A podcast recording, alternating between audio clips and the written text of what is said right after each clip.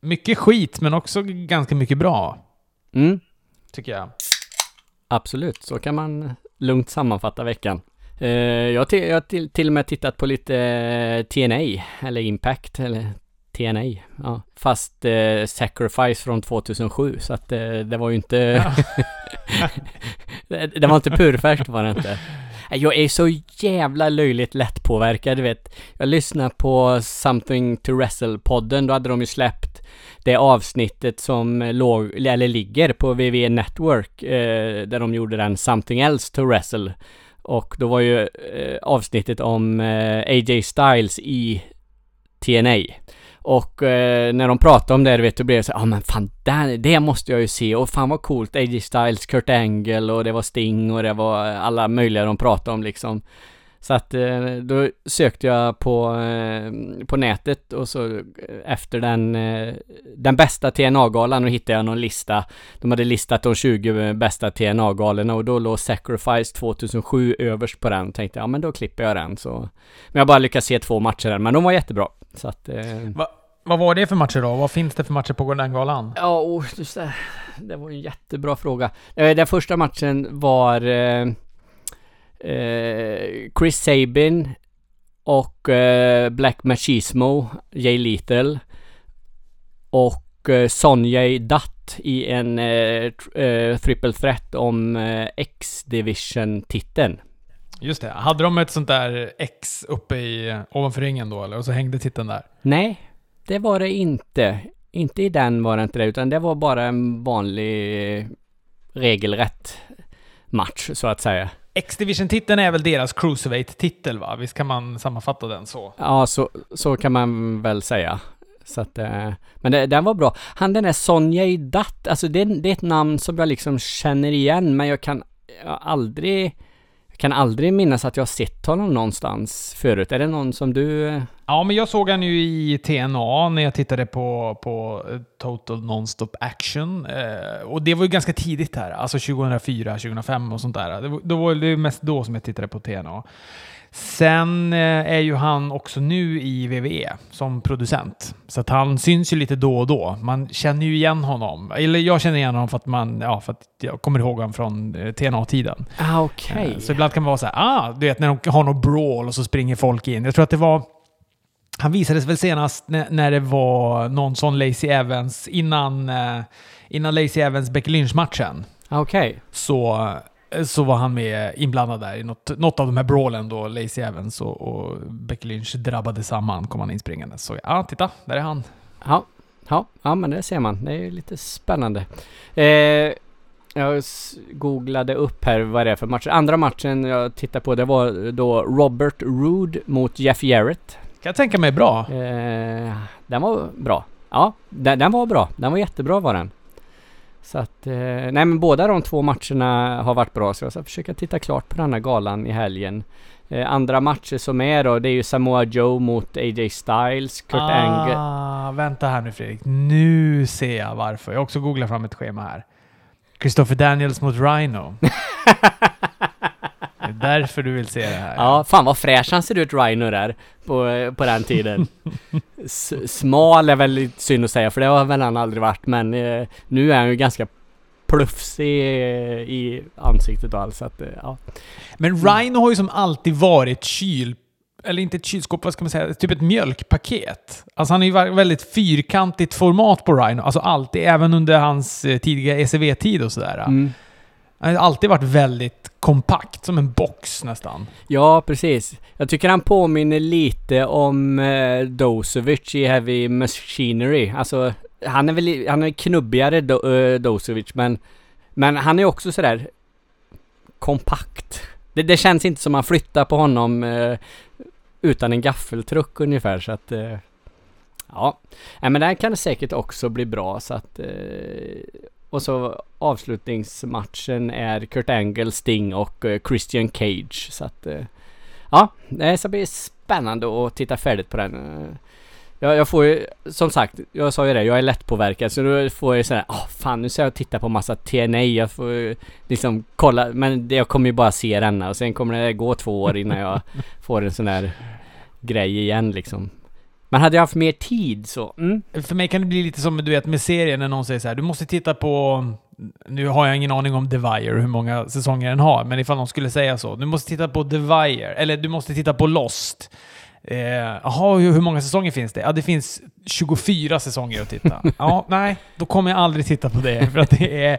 Alltså jag vet, det blir... Det är som att tröskeln är för stor att ta sig över. Vet, det är för mycket. Jag kommer aldrig ha tid att titta på det där och då är det ingen idé att jag ens ger mig in. Och så där kan jag tycka att det är lite med wrestling ibland. Du och jag har ju pratat, vi har ju till och med spelat in ett avsnitt som aldrig kommer se dagens datum. där vi kollade på Raw, första Rawet 1997, va? Visst var det så? Mm. Precis. Och så hade vi en ambition att vi skulle kolla igenom alla Raw 97 och så skulle vi podda dem.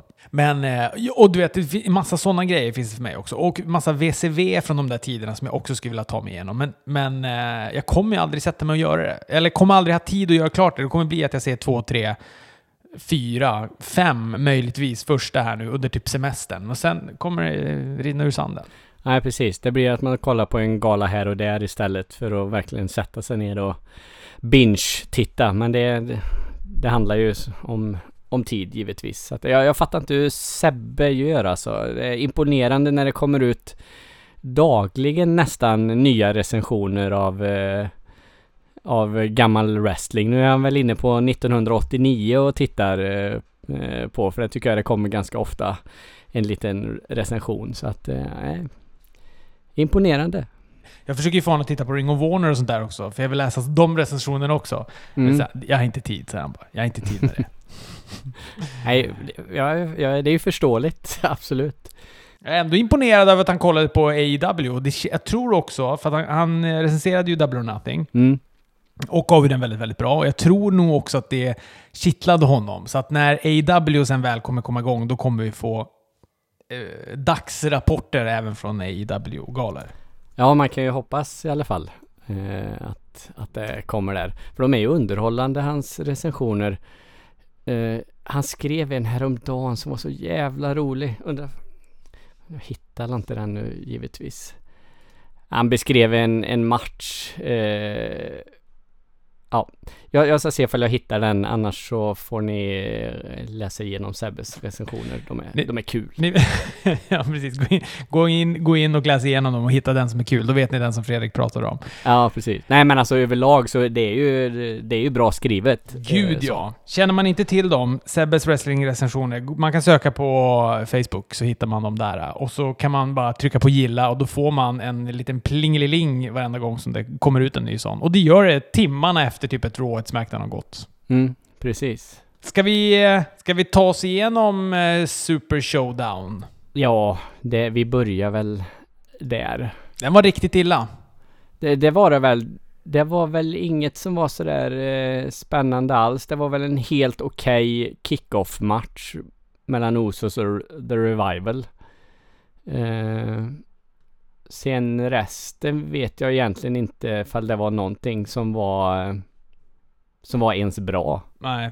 Sen, jag vet inte om det också har med hela paketeringen att göra. Och man vet att det är Saudiarabien och du vet det är mycket, man känner sig negativt inställd till den. Eh, eh bara att man sätter sig och tittar på den. För till och med eh, de matcherna som du säger var bra, typ Revival och Usos, nu var ju den väldigt kort så att det också, ja, men den var bra det lilla de gjorde.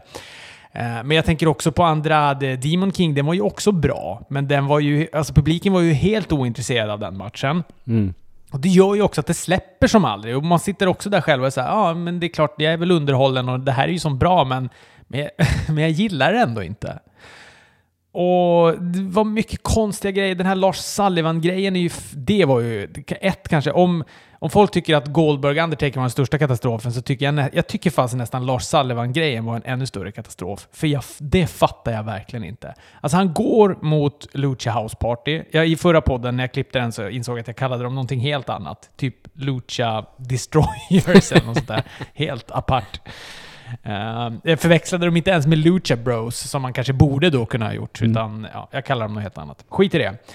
Men han vinner då alltså på en diskvalifikation mot dem. Alltså han vinner för att Lucha House Party, alltså det här, eh, den här trion, eh, kom, alltså bra brottare, men är ju, de är ju ingenting. De är ju ingenting i WWE. Nej. De blir alltså diskvalificerade mot Lars Alvan. Alltså Lars Alvan är ett monster. Han ska komma in dit, han ska ju mörda dem och sen ska han, om någon ska bli diskvalificerad, då är det ju han som ska bli diskvalificerad. För att han aldrig slutar slå dem med en stol eller något sånt där. Han är ju monstret. Nu var ju han bara eh, han var också ganska svag i matchen. Det började typ med att han fick in några grejer och sen så hade ju så här Lucha House Party, eh, de hade ju som övertaget ganska länge och sen blir de diskvalificerade. Mm, nej men det var, det var märkligt. Sen gjorde de ju om den matchen på, var det Raw eller? Ja, och då blev den ju typ som den skulle ha blivit på Super Showdown. Precis. Men jag, jag vet inte ifall det har något med att de var i Saudiarabien och inte folk de tänkte att folk har inte riktigt koll på vem Lars Salven är och det, det är inte så mycket för publik, tv-publiken som följer wrestling alltid, utan det är mer för live-publiken detta och att de ville göra en lite längre match då, eller jag vet faktiskt inte, men jag håller med dig. Det, det var ju jätte, jättekonstigt. Konstigt. Den skulle ju varit så som den var på Raw. En minut eh, mos utav Lucha House Party och så lite extra pålägg på det på slut, på efteråt. Eh, så att, eh, mm, knepigt, knepigt. Nej, men precis som du säger att även de matcherna som kanske då var bra lyfte ju inte för att, alltså du var inne på eh, Finn Balor och Andrade där och publiken var ju med på introt liksom på Demon King. Sen var de ju stendöda. Det var några sporadiska NXT-chants som inte liksom fäste heller riktigt. Det, för det var ju lite intressant. Det var några NXT-chants. Det var också några CM Punk-chants. Ja, det är jättemärkligt. Orton Triple H, vad tyckte du om den? Eh, värdelös. Ja. Lång också. Totalt, eh, ja precis. Lika eh, lång som eh, Batista-matchen på WrestleMania och inte ett skvatt eh, roligare. Ja, jag tänkte kanske att de skulle kunna gå en bra match, de här två, men... Eh, nej, fy fan vad ledsen den var. Långsam och skit, skit, skit. Den här killen som heter Mansour, som eh, vann eh, den här 50 Man Battle Royale. Mm. Han eh, var väl därifrån, fattar jag det som då? Ja, det antar jag att den var. Det var väl en väldigt så... Eh, Flört. Crowd, crowd pleaser bokning. Ja. Verkligen. Men det är ro roligt också när man kollar runt på internet att det är många som tror att det, att det var Ali. det är också någon form av rasism. ja. Sorgligt. Men alltså, hela den Battle Royalen var ju knepig. Eh, varför ska man trycka in 50 pers? Jag hörde någonstans att det till och med var 51 brottare eh, som de hade tryckt in där. Eh, det, alltså det ger ju ingenting. Nej. Det är, också, det är bara svårt. Och man ser ju ingenting den första, första tiden. Man har inte koll på någon brottare. Eller du vet, man får... Någon så här, man ser så här, jaha, där är Chad, Chad Gable med en ny frisyr. Jaha, jaha, och där är... Ja men du vet, det är så många så att man har, det går som inte att urskilja dem heller. Battle Royals är... Det är fan ett otyg. Det ska man, och om man ska hålla på med Battle Royals, då är det max 20 pers alltså. Inte en gubbe mer. Nej, precis. Jag, jag gillar ju ett, ett härligt Battle Royal. Jag har absolut inget emot eh, den match eh, matchgrejen, men... Eh, inte 50 brottare? Nej, nej, absolut inte 50 brottare. 20 som du säger, det låter bra. 10, 15 räcker också. Ja. Eh, det, det enda som blir lite bra med den här, det är ju något som jag eftersöker lite i Royal Rumble och sånt det här stöket vid, eh, vid, eh, vid ringhörnorna och repen när de ligger och knör på varandra. Det tycker jag de kan göra i 20 minuter. Det har jag absolut inga problem med i, i ett Royal Rumble. Och det blir ju mycket av det här, men det var ju på grund av eh, platsbrist. Så att eh, det var ju enda stället alla kunde trycka upp sig vid. Det var ju runt ringrepen för att eh, några skulle få göra något spot på en, en kvadratmeter i mitten där så att eh, Nej, det, det, det, var, det var ledsamt eh, att se och eh, det var en... Eh, alltså jag fattar att för publiken där nere så var det väl eh, jättekul att eh, han vann men för mig som följer VVE alltid så det var helt meningslöst att han Mansour vann. Alltså, det är liksom... Och sen samtidigt så det fanns ju inget som att den här matchen skulle leda till någonting heller så att eh, det är klart då kan man ju göra en sån vinnare. Skulle den lev, lett till någon titelmatch i, i, eh, i, i, på Raw eller Smackdown eller 205 live eller något sånt där. Beroende på vem som vann då. Ja, då, kan, då hade han säkert inte vunnit men nu när det inte betydde någonting för någon så så var det väl smid, smidig lösning. Det känns ju som att lite hela den här galan var så. Att det egentligen betyder ingenting, någonting. Alltså WWE också att de skiter typ i sitt for, ja, format. Nu håller de väl sig ändå egentligen inte till formatet, men det känns ändå som att de... eh, De... eh, Att de ser Saudiarabien som någon sorts isolerad cell där, där eh, här är det, här gör vi lite, vi gör lite si och så här. Ja, precis. Eh, Får vi nämna Goldberg, Undertaker också bara innan vi går vidare? Ja, absolut. För jag har lite, lite blandade känslor till den matchen. Alltså det är ju en bortsfest utav dess like. Absolut. Men alltså, jag, jag tyckte, jag tyckte matchen... Jag tyckte matchen bokades bra. Och det var faktiskt intressant i början tills det började bli den här, eller tills det blev den här bortsfesten som det blev på slutet. Men jag gillar liksom starten på matchen, jag gillar de här Goldbergs två spears som han gjorde. Och hade Undertaker och Goldberg lyckats sätta de här få moven de skulle göra, då skulle jag säga att detta var eh, galans bästa match. Och mm, det, det säger ju kanske inte så mycket. Men, men sen drar ju Goldberg in huvudet i, i, i stolpen. Han blir riktigt groggy av det alltså. Ja, eh, det var ju konstaterat att han hade fått en hjärnskakning hörde jag sen. Eh, inte alls konstigt. Och sen är det ju en katastrof tombstone och en fruktansvärd jackhammer. Och sen är det ett par andra moves också som, som bortsas så att Ja, absolut. Det, de ska ju inte brottas de här två. Men eh, ah, det fanns ändå något där som kunde gjort att det hade blivit en helt en, en ganska bra 7-8 minuters match. Om inte det hade blivit mm, alla de här botcherna. Alltså jag känner också så här att, att, eh, att Goldberg gör... Han blir ju jättegroggy, han får en hjärnskakning, han börjar blöda jättemycket. Det var i och för sig lite effektfullt. Jag trodde först han bladade. Att alltså att det var en del av... Mm. Att, ja, friskt. Nu bladar de lite här också, vad trevligt. Men, eh, men sen så insåg man ju att han, han, för han såg ganska borta ut och han stapplar runt. Och, och grejen är att Goldberg såg ju ganska fräsch ut. Mm. Alltså Undertaker ser man ju, han, eh, han ska ju inte brottas mot någon, för det spelar ingen roll. Han gör inte bra matcher längre. Nej. Men Goldberg såg ändå fräsch, relativt fräsch ut och kände som att så här, ja, men han kan nog ändå göra, han kan ändå göra en, en habil match mot rätt motståndare. Och att han då fuckar upp sin jackhammer till exempel då för att han är groggy och borta och, och inte i sina sinnesfulla bruk på grund av den här hjärnskakningen. Men att Undertaker bortser den här Alltså Undertaker kan ju inte börja botcha bara för att Goldberg då börjar botcha. Det är klart, Goldberg kan inte gå med på grejerna, men en Tombstone, hur fan ska han kunna gå med på den? Den ser ju livsfarlig ut. Han har ju han alldeles för långt ner och det ser ut som att han drar väl typ i huvudet där också när han gör mm. den där Tombstonen. Och det är ju inte Goldbergs fel. Nej, absolut inte. Definitivt inte. Det är ju den där sopan Undertakers fel. Och så sen så, eh, ja, man ser Undertaker, han ser besviken ut efteråt när han räknar ut honom. Jag tror, titt, himlar han inte med ögonen eller något sånt där lite när han... Jo, det finns väl någon, någon bild på det som cirkulerar. Ja. Och, och sen är han jätteirriterad och Goldberg ber jättemycket om ursäkt sådär. Men jag tycker fan, alltså...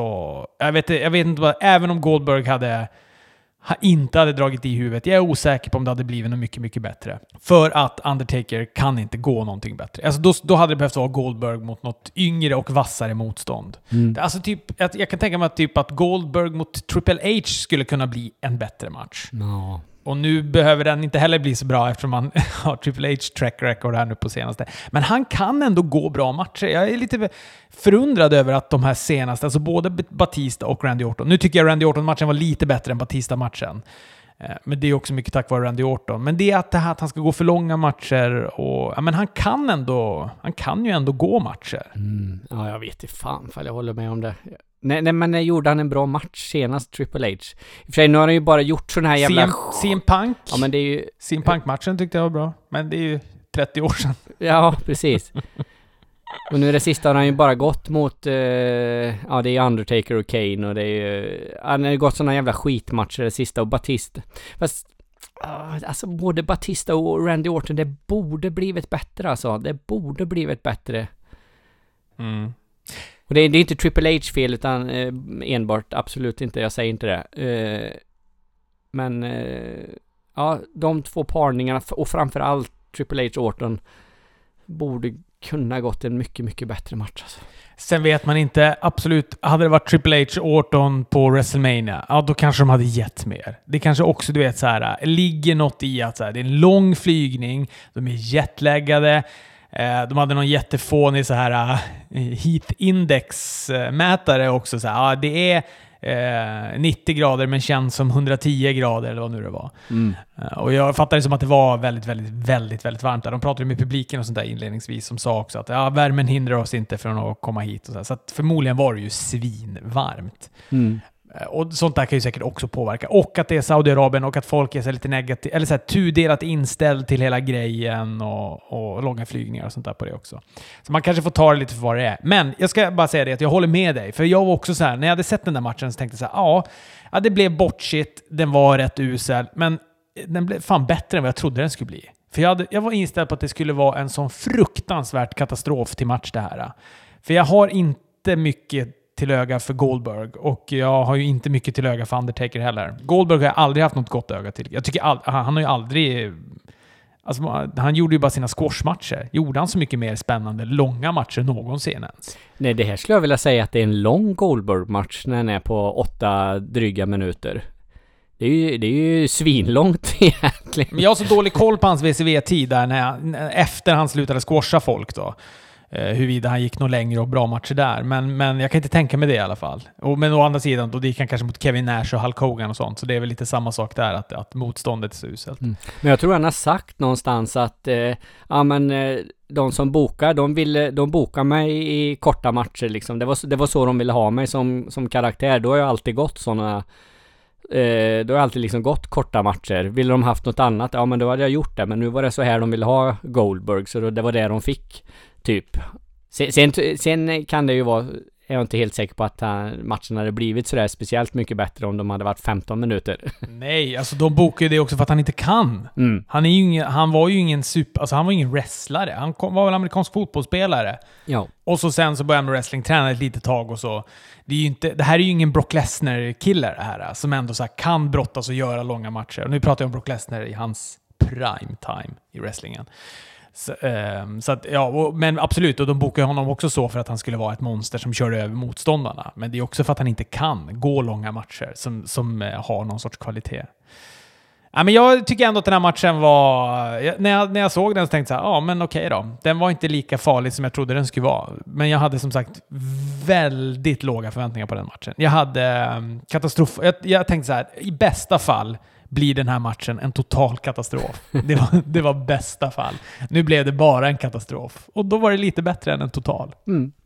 Eh, sen måste man ju säga att Undertakers intro var ju för jävla snyggt. Ja, det var maffigt. Ja, det var riktigt maffigt. Det var riktigt, riktigt bra. Det, det, det gillar jag. Ja, men deras intron i Saudiarabien blir ju alltid bättre. Allas intron. För att här drar de ju på med pyros som om det är avslutandet på WrestleMania varje, i, i varje brottares ingång. Man är inte så mycket den där 3D-grafiken som, eh, som man såg att de hade på WrestleMania när man tittar på eh, sändningen sen. Eh, det upplevde jag inte att det var... Det, det var inga konstiga ormar som kom flygande genom luften eller... Men de hade väl WrestleMania-riggen va? Visst var det exakt samma? Den här sto bara stora gigantiska skärmen och så husvagnsförtältet över ringen. Jo, men det måste det ju varit.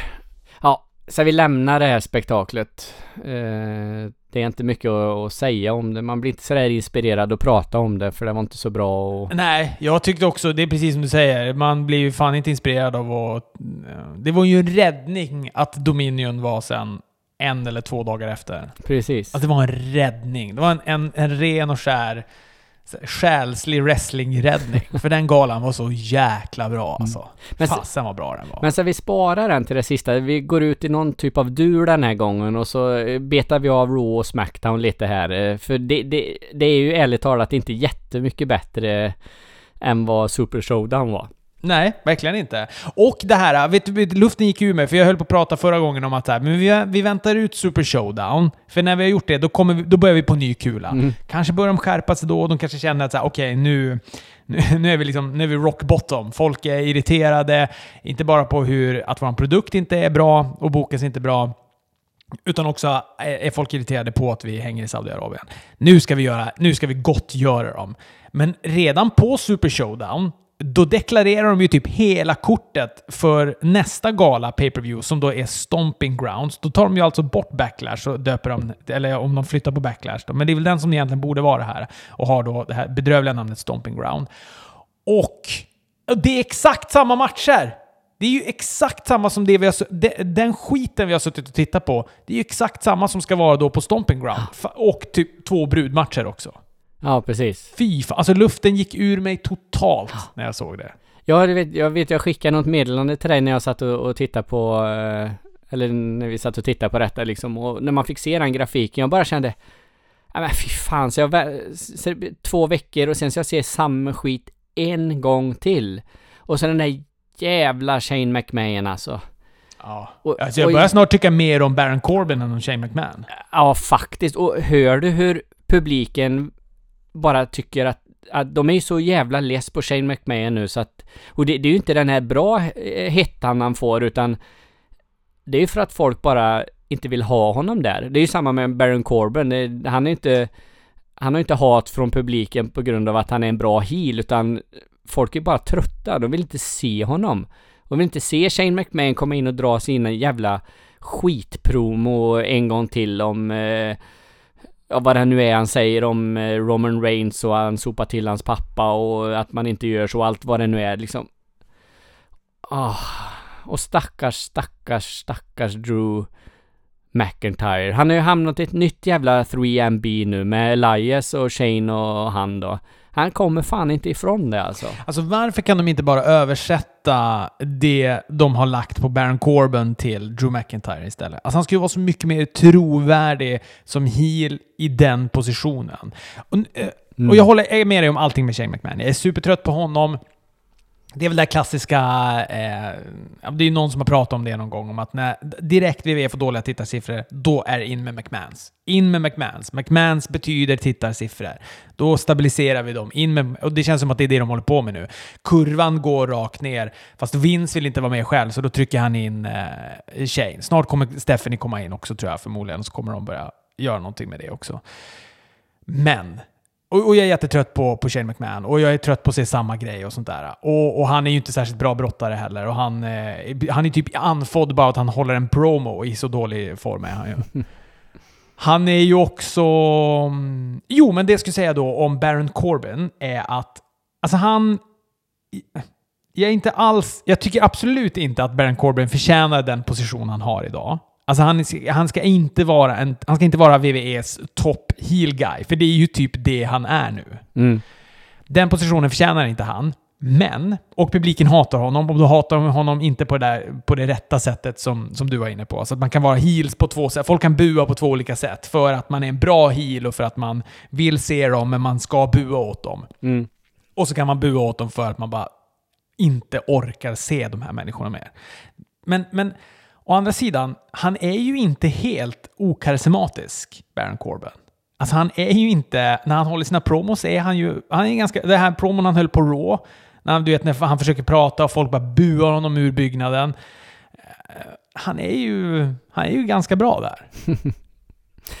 ja, jo, men jag, det kan jag väl hålla med om i och för sig. Det är så svårt med honom, för att jag tycker inte att han... Alltså jag, jag vill verkligen vara tydlig med att jag, han, han förtjänar inte den position han är på. Men han är ju inte helt värdelös heller.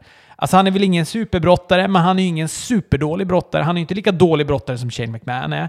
Han är ju absolut inte bra på att hålla promos, men han är ju heller inte superdålig på att hålla promos. Och han är inte helt okarismatisk. Så det är, jag tycker det är svårt med Baron Corbin. Jag tycker det är väldigt svårt med honom. Ursäkta. Jag satt... Jag får klippa... Du får klippa lite här så. Lever du? Vad hemskt vad det kom i fel strupe. Vrångstrupen. Verkligen i, i vrångstrupen och så man försöka att inte låta det höras heller. Det var ju till att göra det ännu sämre nästan. Vi kan ju klippa, det är bara att hosta på. Det här låter ändå som ett rinnande vatten när det kommer ut. ja, precis. Ja, nej men jag kan väl till viss del hålla med dig om Baron Corbin där att jag vet, du har frågat mig någon gång sådär vad jag tycker om Baron Corbin. Jag har sagt liksom att det kvittar mig liksom om han, om han skulle försvinna från WWE, ja, då är han borta liksom det. Men om han går in och är någon midcard och jobbar och liksom är med i olika typer av matcher. Ja men fine, är, jag kan köpa det också för han, han, kan, han kan liksom fylla en roll och en funktion där. Men den här rollen han har nu, när, och när vi ska behöva se honom vecka efter vecka efter vecka och i samma upplägg då med Seth Rollins ja, flera galer i rad och eh, main events på, på, på Raw då det blir för mycket. Det är liksom, men, men det är ju inte bara Baron Corbin, det är ju, det är ju allt annat också som, som blir den här upprepningen. Den, den har vi ju pratat om hundratals gånger liksom, att vi, att upprepningen är ju kanske VVs största eh, fel, skulle jag vilja säga.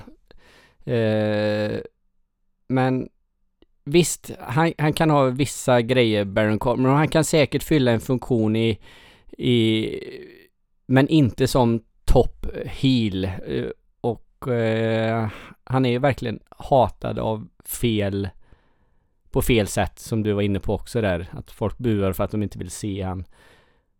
Och jag, jag tycker Likadant med Shane McMahon, att de buar åt honom. Och jag tycker man kunde se det på Shane när han drog sina promos nu. Han var nästan besvärad. Man såg nästan svetten pärla sig på pannan för han liksom inte visste riktigt hur han skulle hantera situationen och hantera publiken och eh, jag hoppas liksom att han har den självbevarelsedriften också, att han känner att fan det här kanske inte det här funkar liksom inte. Publiken köper inte det här. De eh, tycker inte att det är, är kul att se oss här vecka efter vecka efter vecka. Så att eh, jag vet inte, men jag hoppas att han kan känna det i alla fall. Alltså den positionen som han har känns det som att det finns mycket andra... Det finns många fler bättre heels som skulle kunna axla den positionen. Mm. Och det är väl det också som stör en lite grann. Och som du säger, att det är samma vecka efter vecka efter vecka. Eh, ett jättebra exempel var ju när The Miss då hade den här uh, intervjun med Samoa Joe. Det var ett Miss TV-segment va? Mm. Och de, du vet, det börjar bubbla lite upplägg. Och så tänker man, aha, Samoa Joe, US-titeln, The Miss mot Samoa Joe. Ja, vad fasen, det är ändå ett nytt, det är något nytt och det känns lite fräscht med de två mot varandra. Ja, vad, vad tar det? Två och en halv sekund. Sen kommer Bobby Lashleys musik, så kommer Brown Strom, Braun Strowmans musik. Och ja, sen i och för sig då räddas det väl upp då lite med, äh, med Ricochet och Cesaro också då. Men du vet, det är en så ja nu blir det samma ännu en gång. Precis. Sen var den tag team-matchen som, som följde där. Den, jag tyckte inte den var helt värdelös. Nej, den tyckte jag var bra. Uh, vet du hur det gick med Cesaro där? Har man hört någonting? Han... Åh fy fan vad det såg otäckt ut. Ricochet landade ju, li... ja, han landade ju lite illa på, eller han landade ju rätt på låret på honom med sin eh, 630 där. Och det gissar att det är ganska så bra kraft när han kommer ner där. Det är så konstigt också, man ser ju aldrig, nu har jag väl aldrig inte sett så många Ricochet-matcher, men, men han är ju de där eh, picture perfect annars. Han landar ju alltid perfekt när det gäller den där jävla 630, är det så den heter eller? 630. Mm. Eh, men här då landar han ju, och först trodde jag att han landade rätt på knät, för han tar ju sig på knät direkt till Saro och man ser ju att han har riktigt, riktigt ont. Och man tänker, jag tänkte också direkt såhär, nu, han har ju pajat knät helt och hållet. Men sen när man såg reprisen så var det som mer mot låret han kom och inte rakt på knät. Eh, men i foton sen efteråt så mm, la ju folk upp då att han, eh, Cesaro kunde, satte ju aldrig ner benet heller, utan han, eh, han, stöd, han rullade ut och så låg han mer uppe och sen kom folk och hjälpte honom ut därifrån. Han, benet var, nuddade aldrig backen. Ah, okay. Vilket betyder att då vill han ju inte stödja på det överhuvudtaget. Och då kan man ju tänka sig att det är riktigt, riktigt illa. Men tydligen ska han vara helt okej. Okay. Ja, vad skönt. Men att det också var... Han skadade väl sig. Alltså det var inte ett... Um, det var inte att han sålde det på något sätt, utan han, han skadade väl sig, men, men det blev bra. Mm. Ja, precis.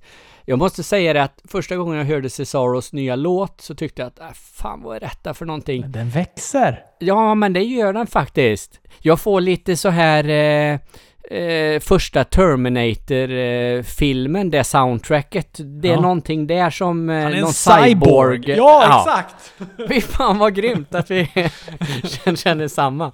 Ja, För att exa- jag tänkte på dig när jag såg den kom in, så tänkte jag ja just det, Fredrik gillar inte det här. Vet, så här. Man, och så bara, fast jag gillar nog ändå det här. Jag tycker att det är ganska bra och det känns ändå lite fräscht att de paketerar om Cesaro och att han, han är ju bra. Han är, ska väl aldrig, alltså du vet, han fyll, Cesaro fyller en funktion och jag ser jättegärna matcher med honom. mm. ja men absolut, jag håller med. Det, det är samma sak där. Det blir tjötigt det sista när han och, och Seamus alltid var inne och alltid var med i allting. Då blir man bara trött på det.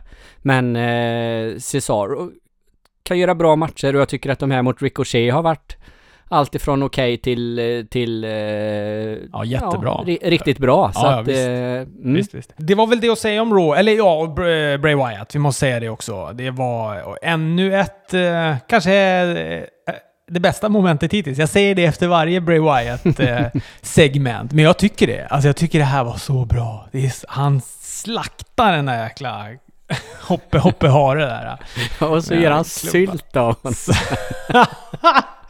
Smakar på blodet och sen så gör han Ja. sylt av honom. Ah, fy Ja. fan, det är så bra. Det där är så jäkla bra. Fast nu vill jag se han brottas. Ja, vi säger det varje gång. Han måste brottas. Och vet du vad jag också är trött på, Fredrik? Jag är trött på att de inte gör nya segment till Smackdown. Varför repriserar de alltid samma grej till Smackdown? Mm, helt knäppt. Ko- han brottas ju inte. Kosta på er att göra ett olika segment.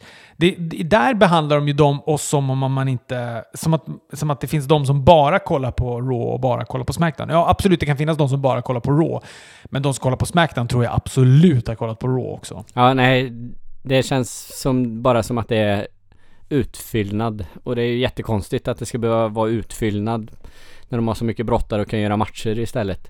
Eh, men sen måste vi väl också nämna att vi fick nya tag champs. Ja, just det. Revival, ja. Just det. Alltså, eh, jag begriper inte riktigt hur, eh, hur de resonerar kring de här brottarna som ber om att få slippa sina kontrakt och annat. De eh, hyllar dem och ger dem egna shower, avskedsshower och Ja. de får bälten och det Ja, är... Jag hade ju den här teorin förra gången. Det är ju samma som eh, Dean Ambrose. Han, Vince blir ju galen. Han vet ju inte. Eftersom man inte kan skotta igen hålet med pengar så blir det de här irrationella besluten. Att de ena kunden ska vara åtlöje och de ska vara skit och de ska jobba och sen så, nej men nu ska de vara tag team champs och ha ganska framstående roller och sådär.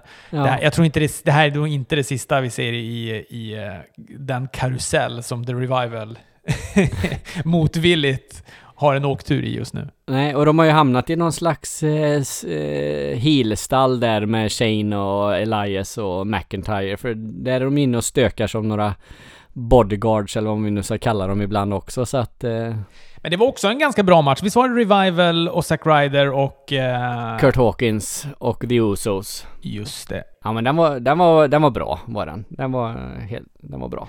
Tycker också att det är spännande att till och med wrestlarna har börjat bli trötta på det här wildcard-tugget. Hörde du Kevin Owens i början när han sa “Jag är här som ett wildcard”, vad det nu ens betyder. Mm. Satte ord exakt som jag känner också varenda gång som jag hör dem prata om wildcards. Precis, nej det är helt meningslöst. Lägg ner det. Eh, Smackdown var ju inte mycket bättre. Nej, det är sämre tycker jag det var. Eh, Raw höll ändå... Raw kunde man ändå titta på den här veckan. Eh, men Smackdown var riktigt uselt.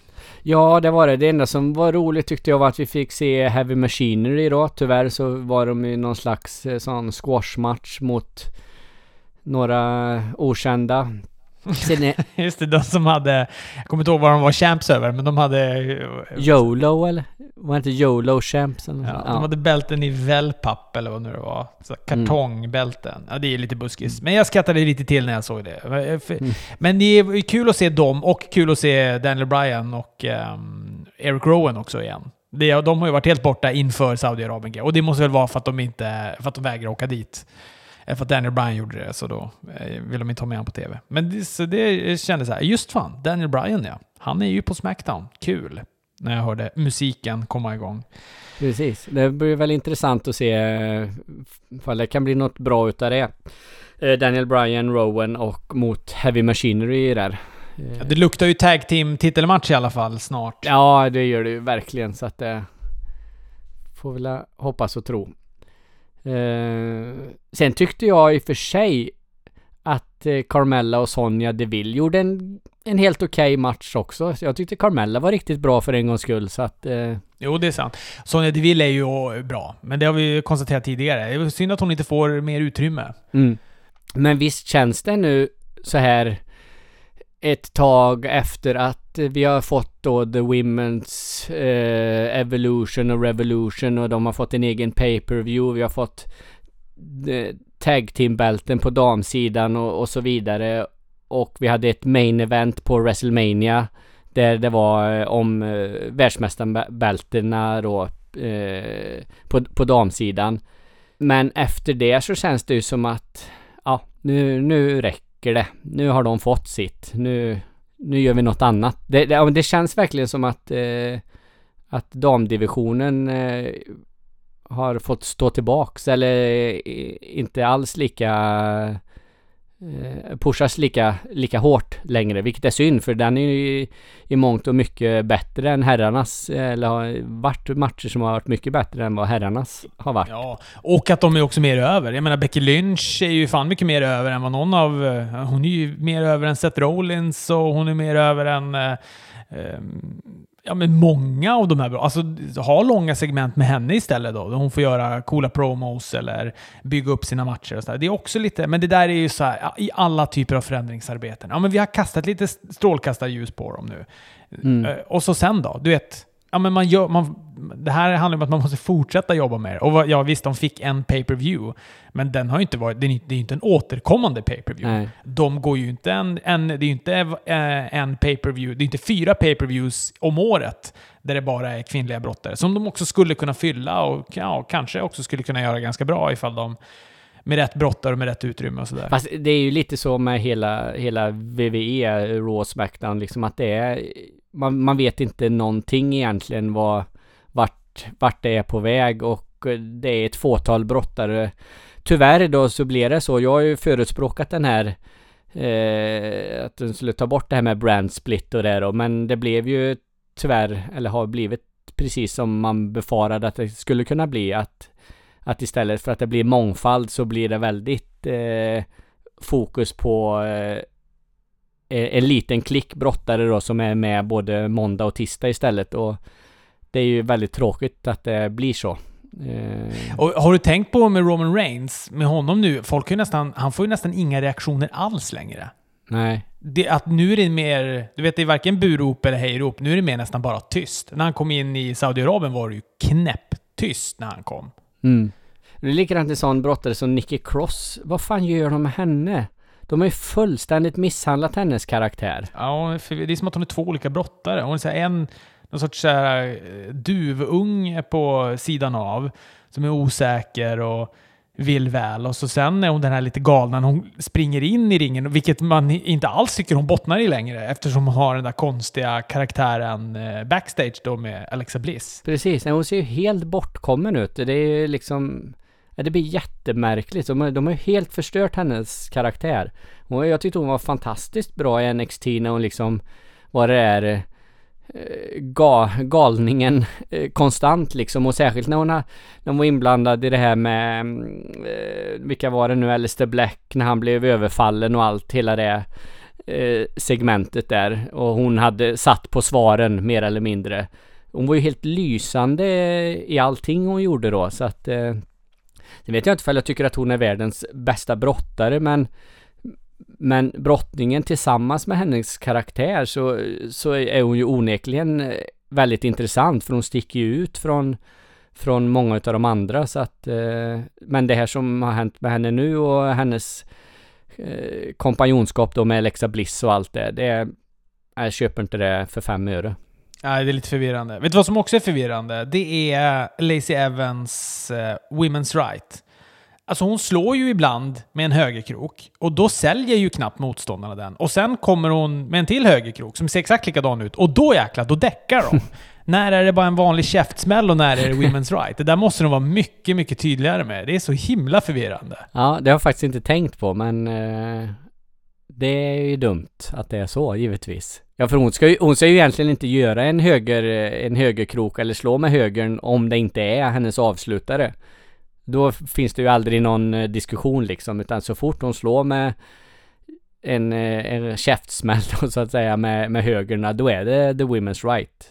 Mm. Punkt. Jag lyssnade på en, eh, strax efter som Double or Nothing hade varit, så gjorde Meltzer och eh, Brian där en, en, eh, en podd som var, där de satt ner med två stycken eh, brudar och pratade, varav en var lite yngre som var på typ, hade så kollat på lite wrestling då och då och då såg hon då Double or Nothing och var helt begeistrad i... Eh, alltså hon, hon var så här bara, jag kommer, jag kommer kolla på all wrestling jag kan se nu från det här.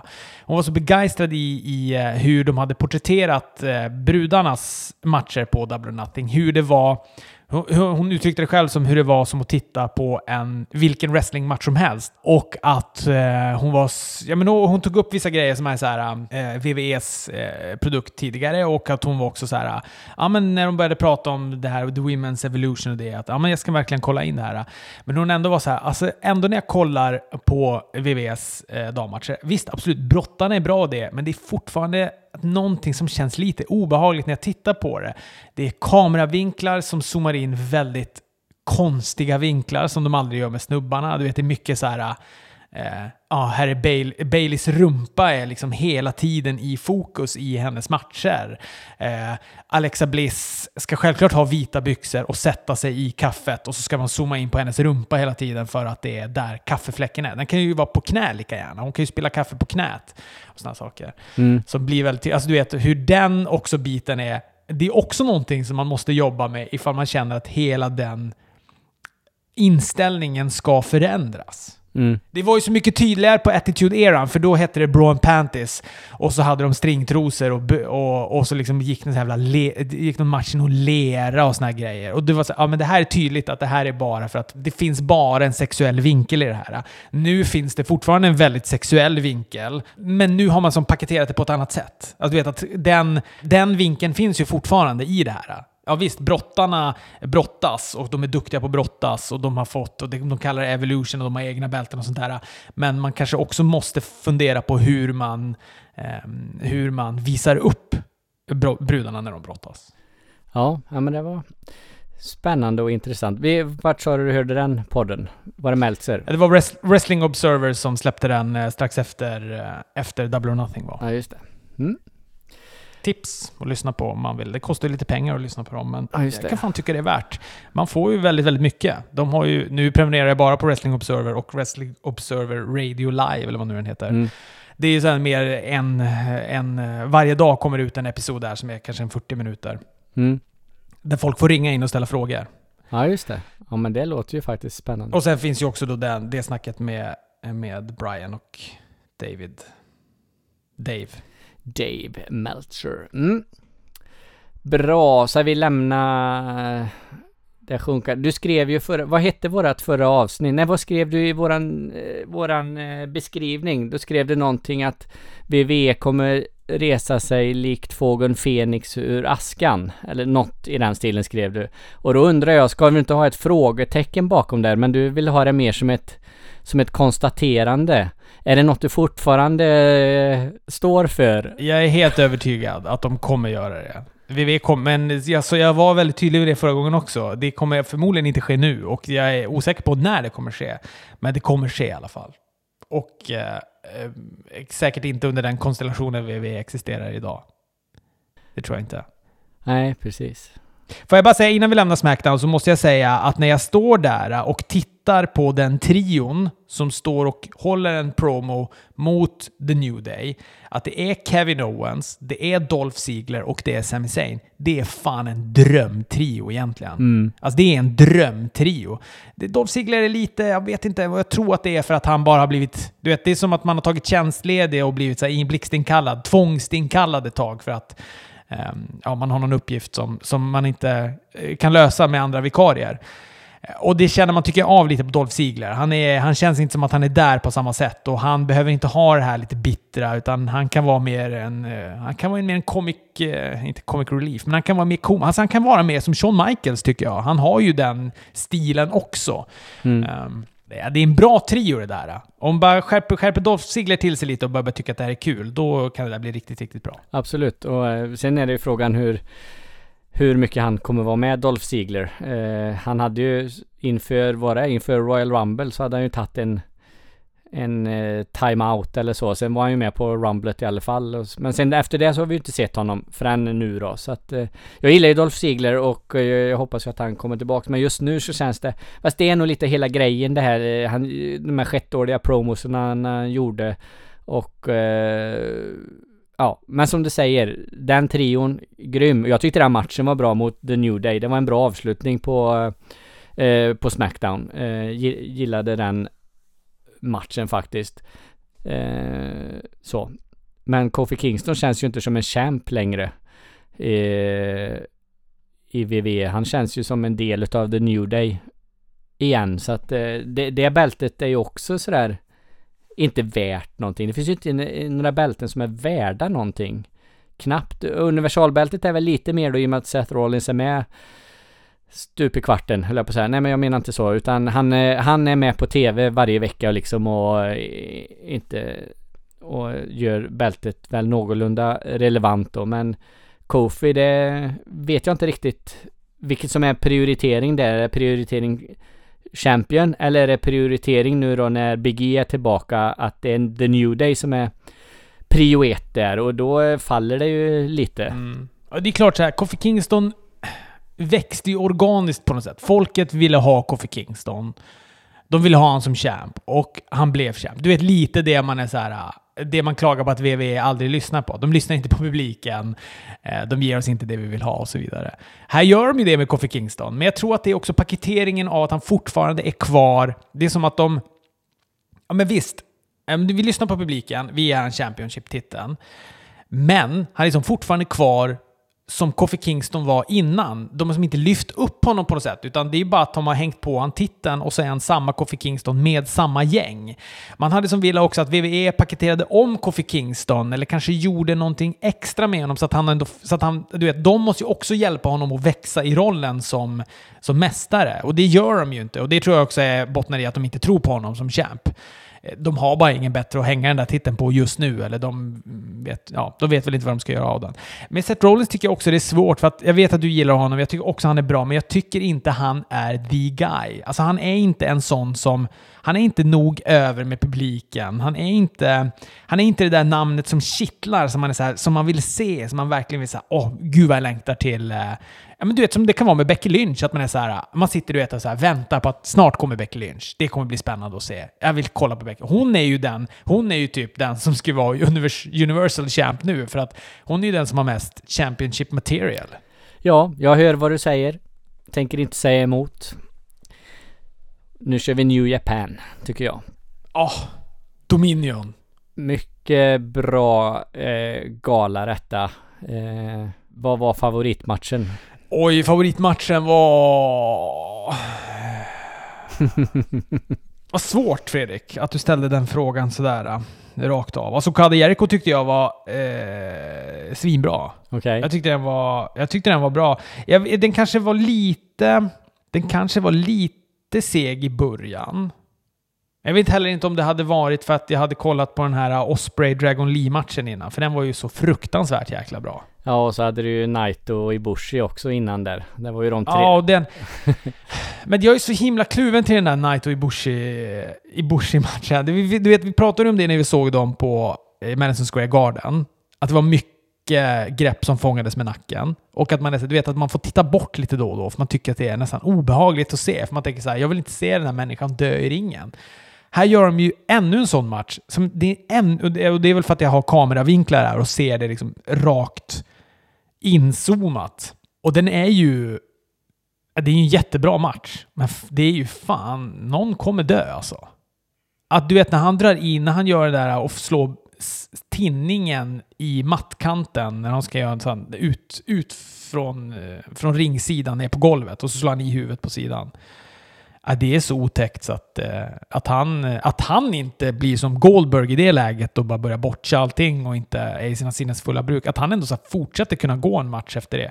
För det är inte heller så här, jag kommenterade det där på någon av wrestlingforumen och då var det någon som skrev så här, ja men du vet man eh, skickade någon länk på hur man tränar upp nacken så att den kan ta sig. Men han tar ju inte smällen med nacken, han tar ju smällen med tinningen. Och det, är, det, är, det är tinningen som tar den. Du kan inte träna upp tinningen så att du kan ta de där smällarna.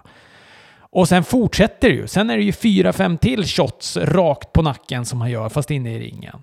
Fast det, just den du pratar om där, det är ju ett, eh, den, det är ju ett bortsatt move. Det måste det ju vara. Det är ju inte meningen att han ska eh, dämpa fallet med, med tinningen så som han gör. Men de andra grejerna är ju med mening, fast samtidigt håller jag ju med dig. De ser ju helt jävla galna ut när de landar eh, högt uppe på nacken så, upp, högt uppe på axlarna och på nacken liksom så att eh, Ja, nej men jag älskar ju den matchen. Men jag tycker nog att Will Osprey Dragon Lee var min, eh, min favoritmatch. Den var helt fantastisk tycker jag.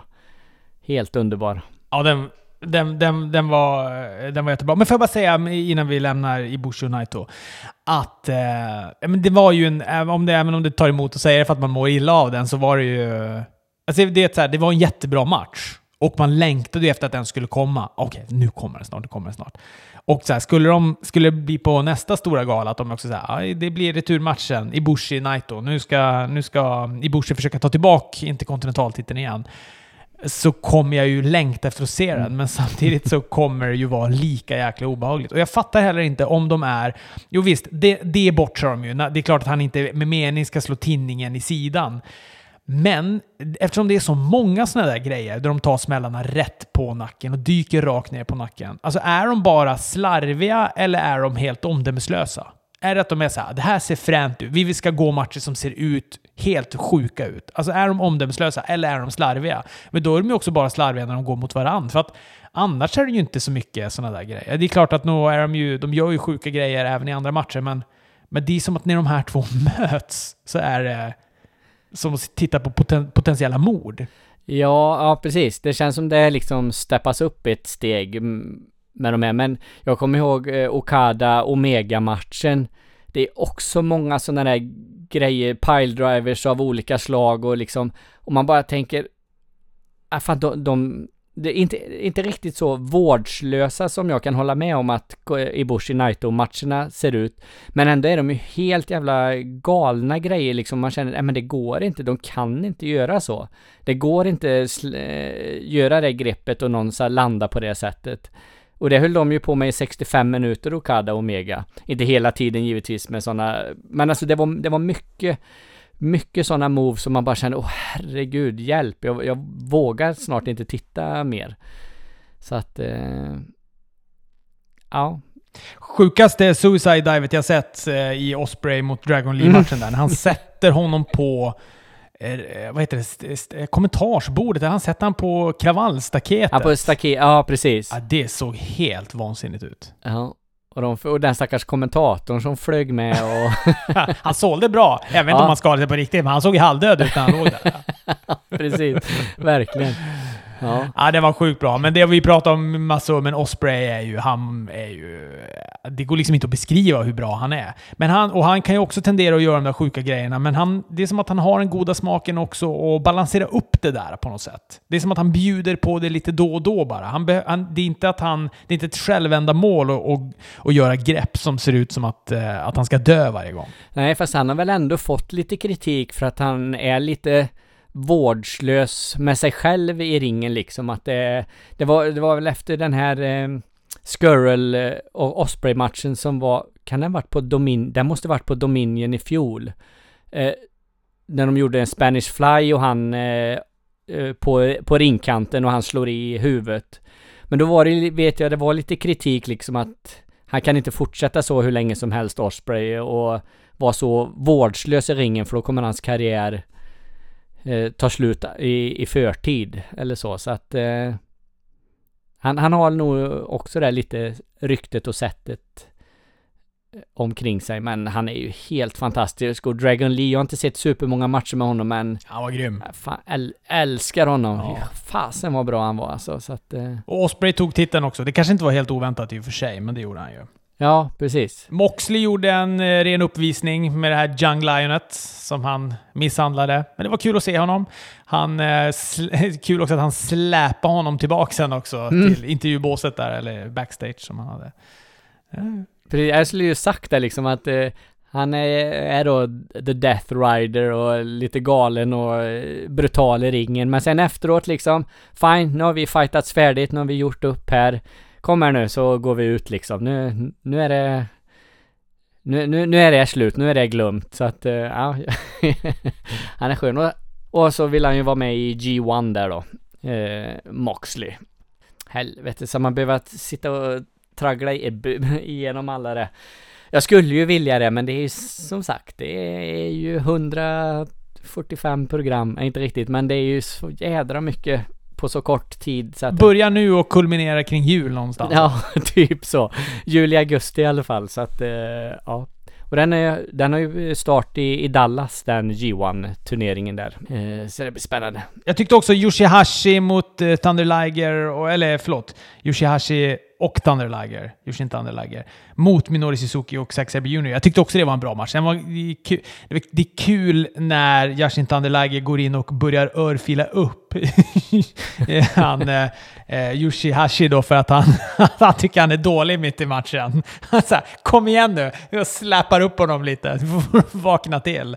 Då går han tillbaka utanför så får han en tagg. Ja, men det var kul. Och... och ehm, ehm, Ja, men det, jag gillar ju Zack Sabre Jr. Jag behöver inte hålla på och tjata om det. Men han band upp honom i någon sorts... ja, det såg verk, han band verkligen bokstavligen upp han Yoshihashi i något, någon knut. där när han vann till slut. Mm. Jättespännande. Ja, nej men... alltså- Kenta får vi se också. Eh, förlåt, jag, går, jag bara kör på här nu. Du får... Ja, gör, gör det. Eh, jag satt och tänkte, vad fan. Alltså det är Kenta, det har man ju hört det namnet och liksom, jag har ingen relation till honom. Men så visade det sig att han är ju för fasen, eh, eh, åh nu tappar jag ju namnet. Vad heter han som var i 205 Live och NXT? Uh, eh, Hideo, Itam, Hideo Itami. Eh, och jag känner ju inte igen han alltså. Men fast jag tänkte det när han kom in med den där takeover-tröjan. Eh, det här måste ju vara någon grej med med, mot VVE och NXT och, och sådär. Men det fick ju sin förklaring sen då när han i princip kommer direkt därifrån. Så Ja. att, eh, ja. Precis. Ja, men det blir väl eh, spännande. Jag såg ju inte honom jättemycket i, i, eh, i 205 när han var där, men man såg väl han någonting i NXT va? När han var in, innan 205, eller han, om han hoppade däremellan. Jag vet inte exakt hur det funkar, hur de gör med de där grejerna. Men man är ju lite spänd nu på att kolla på... Jag de har pratat jättemycket om den här matchen mellan... Chad Gable ska ju då tydligen nu ha gått till 205. Okej. Och ska då ha gått en match mot... Han har ju klippt sig och skaffat sig en... Ett ja, jobb. en ny, ja, precis. Nej, men, ja, eller skaffat sig tv-tid i alla fall. Eh, Även om det är på 2-5, det är ingen kollar på. Men så är han där och ska då ha gått en match mot Jack Gallagher. Visst heter han så? Ja, Den här uh, gentlemans bla bla bla. bla. precis. Och eh, den matchen ska ha varit, varit riktigt, riktigt bra. Tydligen så bortkör de upp den och att den blev en count-out när det inte skulle vara en count-out. Men, eh, men den ska vara bra i alla fall. Mm. Ja, nej men det är skönt att vi får eh, blanda upp eh, eh, debaclet med lite bra New Japan wrestling. Jag hoppas ju att VVE kan verkligen ta sig i kragen för jag, jag, jag vill ju titta på VVE för jag gillar ju hela det här konceptet med såpopera och och allting liksom sådär och wrestling och allt vad den VVE är och har varit men fan att det inte är så bra just nu. Så att, eh, men det går ju att titta på annat emellan då givetvis. Så att, eh, Får jag bara fråga dig innan vi lämnar New Japan helt och hållet. Kan man vin, vin, vinner du titeln på count-out eller? och bra fråga, jag vet inte. För att det finns i matchen Okada Jericho så eh, är det att Jericho gör ju sin coldbreaker ute på betongen på utsidan då, och sen rullar han in i ringen och då sa kommentatorn så här Jericho vinner gärna titeln även om det blir via count-out, sa han. Ja okej, ja men då är det ju säkert, då är det väl säkert så. Att de inte har den regeln. Eh, jag måste säga, vi har inte nämnt så mycket Okada, Jericho där. Jag, jag tyckte inte den var något vidare den matchen. Jag tyckte den var lite tråkig, långsam och sådär. Eh, jag hade hoppats väldigt, väldigt mycket mer på den. Men samtidigt kan det vara som du säger att det färgar av sig lite att man har sett eh, Will Ospreay, Dragon Lee, Naito Ibushi innan liksom det är fart och fläkt och så kommer den här då som har ett helt annat tempo. Ja, men den är som en annan typ av match. Den var ju som mer en knegarmatch där. Jag tyckte att det var kanske lite i början var lite segt, men sen var det som att jag, i, jag köpte vad det var och så jag gillar Jericho, jag tycker han är cool och jag är inte jätteförtjust i Okada. Alltså han är ju bra brottare, men, men karaktären Okada. Eh, han, tråkig frisyr och fula brallor och allt det där, du vet.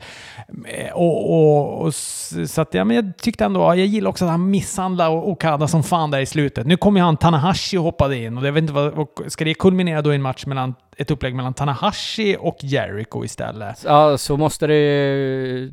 Så är det ju gissnings, gissningsvis. Men får man bara en men, match sådär? Jag trodde, jag trodde väl inte att han skulle ta titeln, men det känns ändå som att Jericho vill... Han har ju aldrig hållit den där uh, New Japan uh, världsmästartiteln. Borde han inte få göra det? Ja, kanske.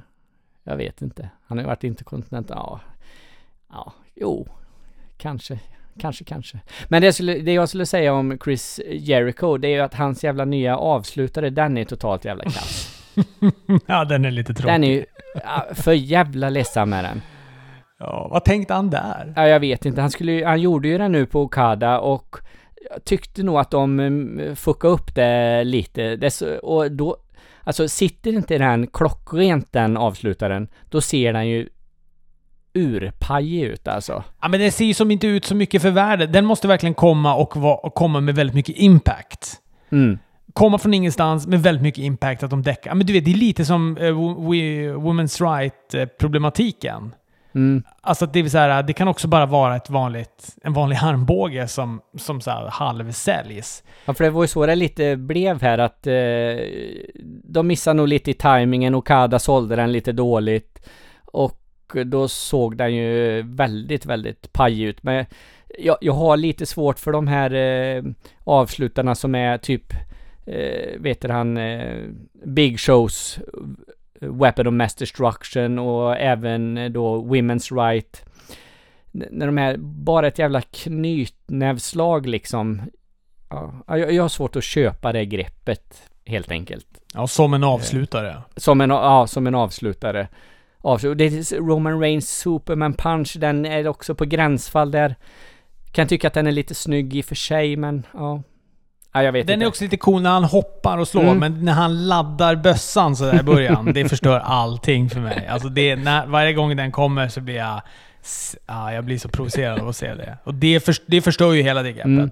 Det alltså när han gör en så här out of nowhere, bara kommer flygande och gör sin mm. punch, då är det ju snyggt. Ja, precis. Men när han, det där när, när han laddar bössan, mm. alltså sluta med det.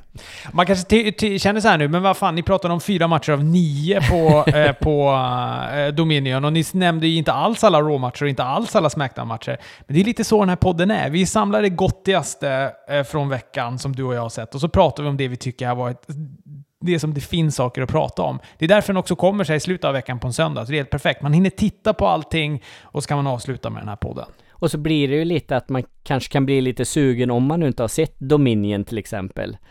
Eh, visst, vi spoilar lite resultat och sådär, men eh, man kanske blir lite sugen att titta och då kan man, eh, kan man gå in och göra det. Så att eh, så, så funkar Svenska Wrestlingpodden. Är vi nöjda för idag? Det är vi. Ja. Tack för att ni har lyssnat. Hej då!